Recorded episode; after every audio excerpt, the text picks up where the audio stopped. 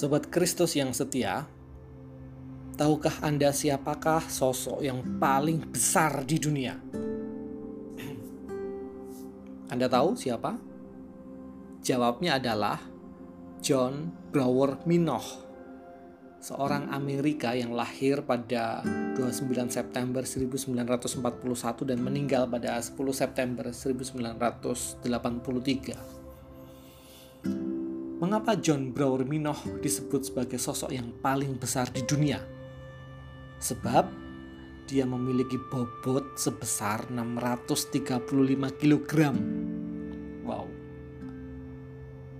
Berbicara tentang menjadi yang terbesar, setelah memberitahukan derita dan kematiannya, Gusti Yesus merespon permintaan ibu anak-anak Zebedius untuk memosisikan anak-anaknya pada tempat terhormat dan mulia.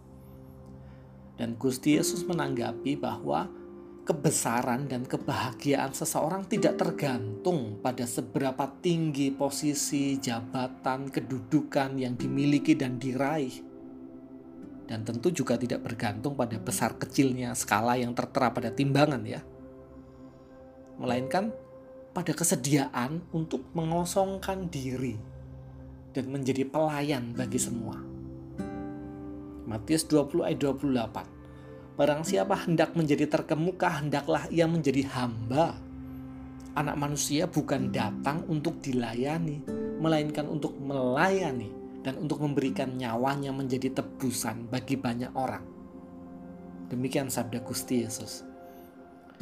Dan ungkapan Gusti sangatlah paradoks Paradoks ini berakal, berasal dari kata Yunani paradokson, kata dasarnya para yang artinya berbeda, dan doksa yang artinya opini, artinya berkebalikan, lawan asas.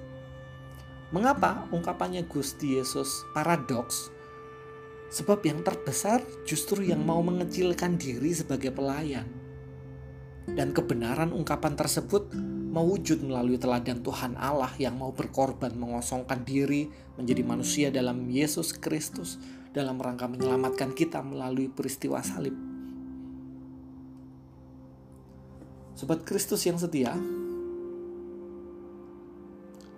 wabah COVID-19, COVID-19 yang melanda dunia mengingatkan kita bahwa tiada seorang pun yang bebas dari paparan virus baik berlimpah harta atau miskin, berhutang atau tidak, baik memiliki jabatan dan posisi penting atau tidak, baik religius ataupun tak beragama, memiliki gelar akademik atau tidak sekolah, besar ataupun kecil, semua memiliki potensi terjangkit COVID-19.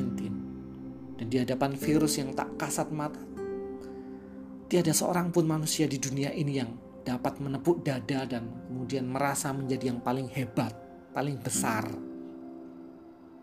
Maka ingatlah sabda Gusti Yesus yang menegaskan bahwa yang terbesar ialah mereka yang bersedia menjadi yang terkecil, mau melayani, bersedia menghamba bagi sesama. Amin. Mari kita bersama berdoa. Tuhan ajar kami untuk semakin dapat memahami, mengetahui, dan mewujudkan dalam perilaku tentang kebenaran bahwa kebahagiaan sebenarnya hadir ketika kami bersedia meniru teladan Tuhan yang melayani sesama. Dalam nama Allah Bapa Tuhan Yesus Kristus dan Sang Roh Kudus. Amin.